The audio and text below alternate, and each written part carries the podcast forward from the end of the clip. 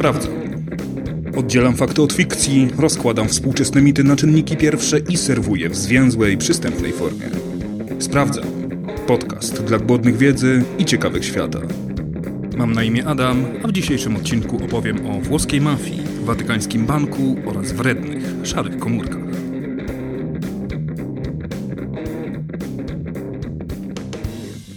Są tematy, do których podchodzę jak do jeża. Coś poczytam, coś popatrzę, zostawię na później, wrócę po jakimś czasie, ustalę coś zupełnie sprzecznego z wcześniejszymi wnioskami, wywalę połowę notatek do kosza i zacznę pisać odcinek od nowa. Tak właśnie było w tym przypadku historii papieża Jana Pawła I, który sprawował urząd przez zaledwie 33 dni, po czym zmarł na zawał serca. Przypadek? Sprawdzam. Albino Luciani, urodzony w 1912 roku, został wybrany na stanowisko papieża przez konklawę w sierpniu 1978. Obrady były wyjątkowo krótkie, a biskupi wyjątkowo jednomyślni. Już drugiego dnia pojawił się biały dym obwieszczający podjęcie decyzji. Kardynał Albino Luciani został ogłoszony papieżem i przyjął imię Jan Paweł I. Od pierwszych chwil na nowym stanowisku był krnąbrny. Jako pierwszy papież w znanej nam historii odmówił koronacji i założenia bogato zdobionej tradycyjnej tiary. Jako pierwszy wybrał podwójne imię, a także jako pierwszy do swojego papieskiego imienia dołożył przyrostek pierwszy. Zauważ, że nawet obecny papież jest nazywany Franciszkiem, a nie Franciszkiem I. Złamał również tradycję majestatycznego mówienia w liczbie mnogiej o sobie samym. Odmówił bycia noszonym na lektyce. Do momentu, gdy mu nie wyjaśniono, że jest to niezbędne, by wierni na placu Świętego Piotra mogli go widzieć. No ale dobrych intencji odmówić mu nie można. Jan Paweł I zdefiniował sześć kluczowych punktów, które chciał zrealizować w swoim pontyfikacie. Była to odnowa Kościoła rzymskokatolickiego poprzez dalsze wdrażanie ustaleń Soboru Watykańskiego II, co niespecjalnie było dobrze odbierane przez ultrakonserwatywną flankę duchownych. Rewizja prawa kanonicznego, czym mógł się narazić absolutnie każdemu. Przypomnienie, że rolą Kościoła jest głoszenie Ewangelii, umacnianie wspólnoty, promocja dialogu, walka o pokój i sprawiedliwość na świecie. Nie zdążył się tym zająć. 33 dnia swojego pontyfikatu rano został znaleziony martwy. Jego ciało zabalsamowano bez autopsji i pochowano, a nagłość sytuacji rozpaliła podejrzenia. David Jolop w swojej książce W imieniu Boga postawił hipotezę, jakoby Albino Luciani miał się narazić z powodu nadmiernego zainteresowania szemranymi interesami w Banku Watykańskim. Mówimy tu o magicznym wyparowaniu ćwierci miliarda dolarów, do którego przyczynili się ówczesny prezes Banku Watykańskiego Paul Marcinkus oraz Roberto Calvi z Banco Ambrosiano, który obsługiwał konta włoskiej mafii i lewe rachunki polityków.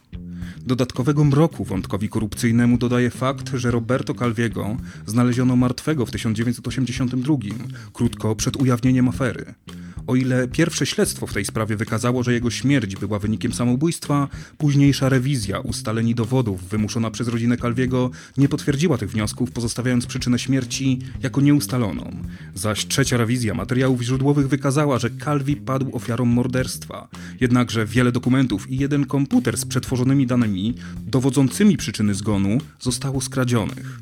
Co więcej, książka Jolopa ukazała się w 1984, niedługo po śmierci Calviego, zaś finał mafijnych opowieści, w tym kradzieże dowodów, które teraz poruszam, działy się na przełomie XX i XXI wieku. Roberto Calvi nie był jednak osobą duchowną, a z Watykanem łączyły go tylko, a może aż, interesy. Macki mafijnej ośmiornicy zacisnęły się jednak właśnie na jego szyi, nie docierając do Paula Marcinkusa, który był drugą, uświęconą nogą całego kryminalnego biznesu. Przestępstwa finansowe z Bankiem Watykanu nie były jedynym przewinieniem Calviego. Był on umoczony w biznesy mafijne i polityczne, choć w przypadku Włoch lat 70. i 80. rozdzielanie mafii i polityki za bardzo sensu nie ma. Jakby teraz miało jakikolwiek. Jest więc spora szansa na to, że miał dużo więcej sekretów niż ćwierć dużej bańki z Watykanu. Zamach na życie zwraca uwagę, zamach na życie papieża przykuwa ją. Jan Paweł I miał plecy w Watykanie. Jego polityka, plany i podejście było znane przed konklawę i to właśnie dlatego został wybrany niemal natychmiast. Przyjrzyjmy się jednak dokładniej 29 września 1978 roku. Około 8 rano biuro prasowe Watykanu wydaje oświadczenie. Dziś rano, około 5.30, sekretarz papieża odnajduje jego ciało w papieskiej sypialni, siedzącego w łóżku. Światła były zapalone. Watykański lekarz, dr Buzonetti, został natychmiast wezwany na miejsce. Lekarz stwierdził, że zgon miał miejsce o 11 wieczorem poprzedniego dnia, a przyczyną był zawał mięśnia sercowego. Pojawiają się jednak świadkowie, którzy twierdzą, że ciało zostało odnalezione przez zakonnicę Vincenze Tafarel około czwartej nad ranem. Pojawiają się też głosy, że śmierć papieża nastąpiła jednak nad ranem i to w wyniku zatoru tętnicy płucnej, a nie zawału serca. Watykan nie wydaje dalszych oświadczeń w związku z tymi zarzutami, na dobrą sprawę milczy o tym do dzisiaj. Biograf Jana Pawła I, Camillo Basotto, porusza wątek siostry Vincenzy. Jak się okazuje, złożyła ona przysięgę milczenia i tylko dzięki gwarancji, że Basotto nie ujawni szczegółów ich rozmowy do jej śmierci, zgodziła się na pozostawienie mu jej relacji z poranka 29 września 1978 roku. Około piątej rano zostawiłam poranną kawę w przedsionku papieskiej sypialni. Zapukałam, lecz nikt nie otworzył. Wróciłam po jakimś czasie. Kawa cały czas była tam, gdzie ją zostawiłam. Zapukałam ponownie, zacząłem go wołać, lecz nie było odpowiedzi. Moje serce zaczęło walić. Weszłam do sypialni. Lampa na stole była włączona. Odciągnęłam zasłonę, która osłaniała łóżko. Papież na nim siedział. Miał ciągle założone okulary, a w dłoni trzymał jakieś kartki. Sprawdziłam puls i zrozumiałam, że zapadł w wieczny sen. Jest to oczywiście stanowisko całkiem inne niż to, które wystosował Watykan. Siostra Vincenza raczej nie miała powodu, by kłamać. Otwartym pytaniem zostaje, czy Watykan kłamał oraz jakie mógłby mieć ku temu powody. Basotto dodaje również, że siostra Vincenza stwierdziła, że ciało papieża było ciepłe. Do tego jednak warto podejść powściągliwie, ponieważ stwierdzenie ciało było ciepłe bez odpowiednich pomiarów to dużo za mało, by wyciągnąć jakiekolwiek wnioski. Kłopoty zaczynają się jednak, gdy dokopiemy się do wywiadu telewizji RAI z braćmi Signoraci, watykańskimi balsamistami, którzy zapytani o szacowany przez nich czas zgonu stwierdzili, że musiało to być między czwartą a piątą rano. Nieprawdę w oficjalnym komunikacie Biura Prasowego Watykanu potwierdza nawet sam sekretarz Jana Pawła I John McGee. W 1990 roku w wywiadzie radiowym oświadczył, że owszem, znalazł ciało papieża, ale nie on pierwszy to zrobił. Na doktora Buzonatiego spadają dalsze gromy. Historyk John Julius Norwich zarzuca mu, że nie można stwierdzić zawału mięśnia sercowego tak szybko, bez autopsji, a tej nigdy nie dokonano. Ciało od razu zostało zapalsamowane. O co tu chodzi?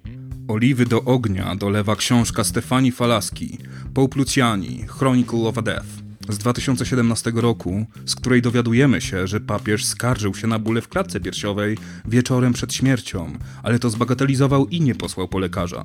Na scenę dostaje się siostra Margarita Marin, opisywana przez media jako jedna z dwóch zakonnic, które znalazły ciało papieża, mimo że siostra Vincenza w swojej historii nie wspominała, że nie była tam sama. Siostra Margarita podaje dokładne godziny i wydarzenia, zaś media to łatwo podchwytują i krzyczą, że tajemnica śmierci Jana Pawła I została wreszcie rozwiązana. Śmiem wątpić, ale o tym za chwilę. Teraz przenieśmy się w obszar spekulacji i spróbujmy udzielić kilku odpowiedzi. Zebrane informacje są sprzeczne ze sobą. Nie mamy twardych materiałów źródłowych w postaci raportu z autopsji, bo autopsji nie było, co samo w sobie wydaje się podejrzane, ale winić za to możemy wyłącznie tradycję panującą w Watykanie. Papieży się balsamuje jak najszybciej po śmierci, autopsja byłaby czymś na zasadzie bluźnierstwa czy znieważenia głowy kościoła. Ciało Jana Pawła I zapewne było już w trakcie procesu balsamowania, nim ktokolwiek zastanowił się nad tym, że sprawa może mieć podłoże kryminalne. Mamy trzy sprzeczne relacje z pierwszej ręki. Oficjalną notkę prasową, zeznania z wywiadów i książek z lat 80. oraz zeznania z 2009, upublicznione w 2017. Dlaczego tym ostatnim ufam najmniej? Siostra Margarita, o której wcześniej nawet nie wiedzieliśmy, by była przy całym zdarzeniu, informuje nas o konkretnym przebiegu, minuta po minucie tragicznego dnia, ale opowiada to 31 lat po śmierci papieża. Szokujące momenty życia zapadają nam w pamięć, lecz pamięć jest wadliwa.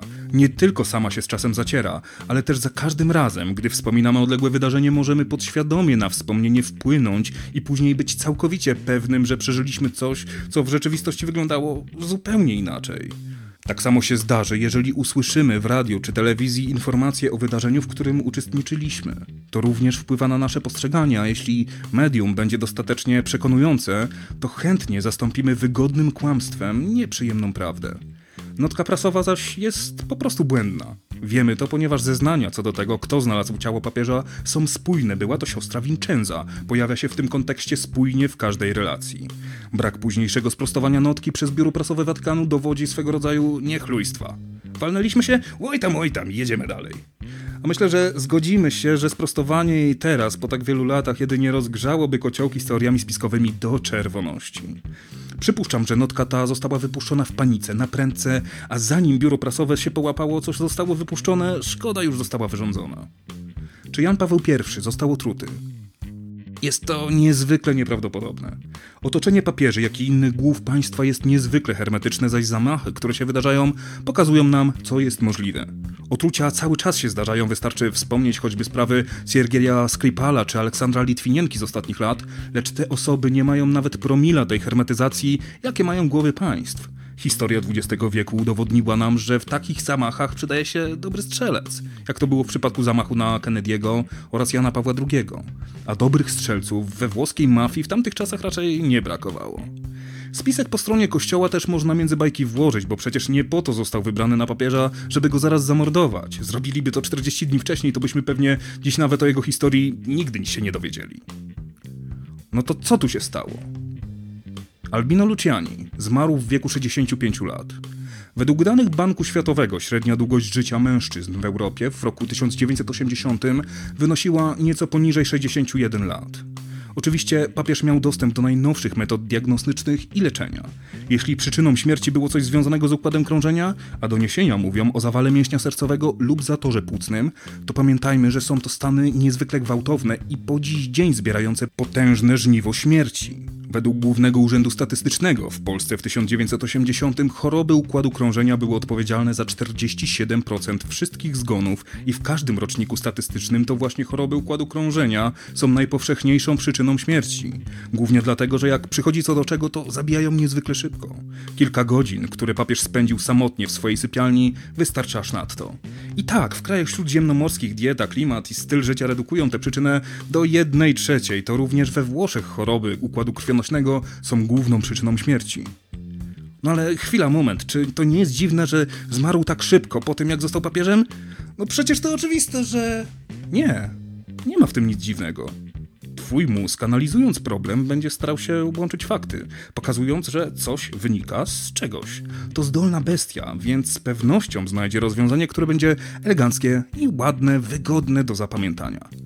Ale mózg jest tylko narzędziem jak każde inne, a my albo nauczymy się z niego korzystać, albo będziemy się sami wodzić za nos. Być może teraz właśnie gdzieś z tyłu głowy zastanawiasz się, kto mi zapłacił, bym tuszował sprawę zabójstwa Jana Pawła I. Mózg to cwany analizator, ale nie ma w sobie zaszczepionego uniwersalnego wzorca prawdy, ponieważ uniwersalny wzorzec prawdy nie istnieje. Używając logiki, unikając błędów myślowych i zasadniczo świadomie korzystając z tego, co mamy między uszami, dopiero możemy zacząć mówić, że w jakimś kierunku ta analiza zmierza a zmierza powoli do końca, ponieważ Watykan raczej nie powie nam, co się tak naprawdę stało, skoro nie zrobił tego przez tyle lat. Na autopsję również zapewne nie pozwoli. Jednak historia śmierci Albino Lucianiego jest świetnym treningiem dla naszego aparatu postrzegania świata. Zabawne, jak bardzo jesteśmy gotowi kopać i szukać wyjątkowych przyczyn śmierci, jednocześnie odrzucając konsekwencje chorób krążenia, przez które umrze co drugi z nas. Na sam koniec przyznam się, że to moje trzecie podejście do tego tematu. Trochę z przypadku trafiłem na krótkie opracowanie dotyczące Jana Pawła I, całkiem atrakcyjnie przedstawiające tezy Jelopa, wiążącego śmierć papieża z działaniem mafii. Szukając materiałów, trafiłem nawet na wypowiedzi papieża, w których mówił, że jego czas jest ograniczony i to chyba było punktem zwrotnym. Pamiętam jak w 2014 gruchnęła w mediach wypowiedź papieża Franciszka, że zostały mu 2-3 lata. Papież, jak widzimy, ma się całkiem dobrze, ale czy nie byłoby niezłym paliwem dla teorii spiskowych, gdyby coś poważnego mu się stało w 2016 czy 2017? Nie trzeba być papieżem, by wiedzieć, że dni każdego z nas są policzone, a pogodzenie się z tym jest manifestacją pokory, która w odpowiednim kontekście zostanie jednak zrozumiana jako no, wiedział, że coś tam się na niego czają, ostrzegał nas potem, ale i tak zginął. A gdy już coś się nam ładnie w czaszce ułoży, to potem ciężko będzie się tego pozbyć. Dlatego w burzliwym związku ze swoim mózgiem pamiętaj, że nie jest takie oczywiste, kto z was dwojga sprawuje kontrolę.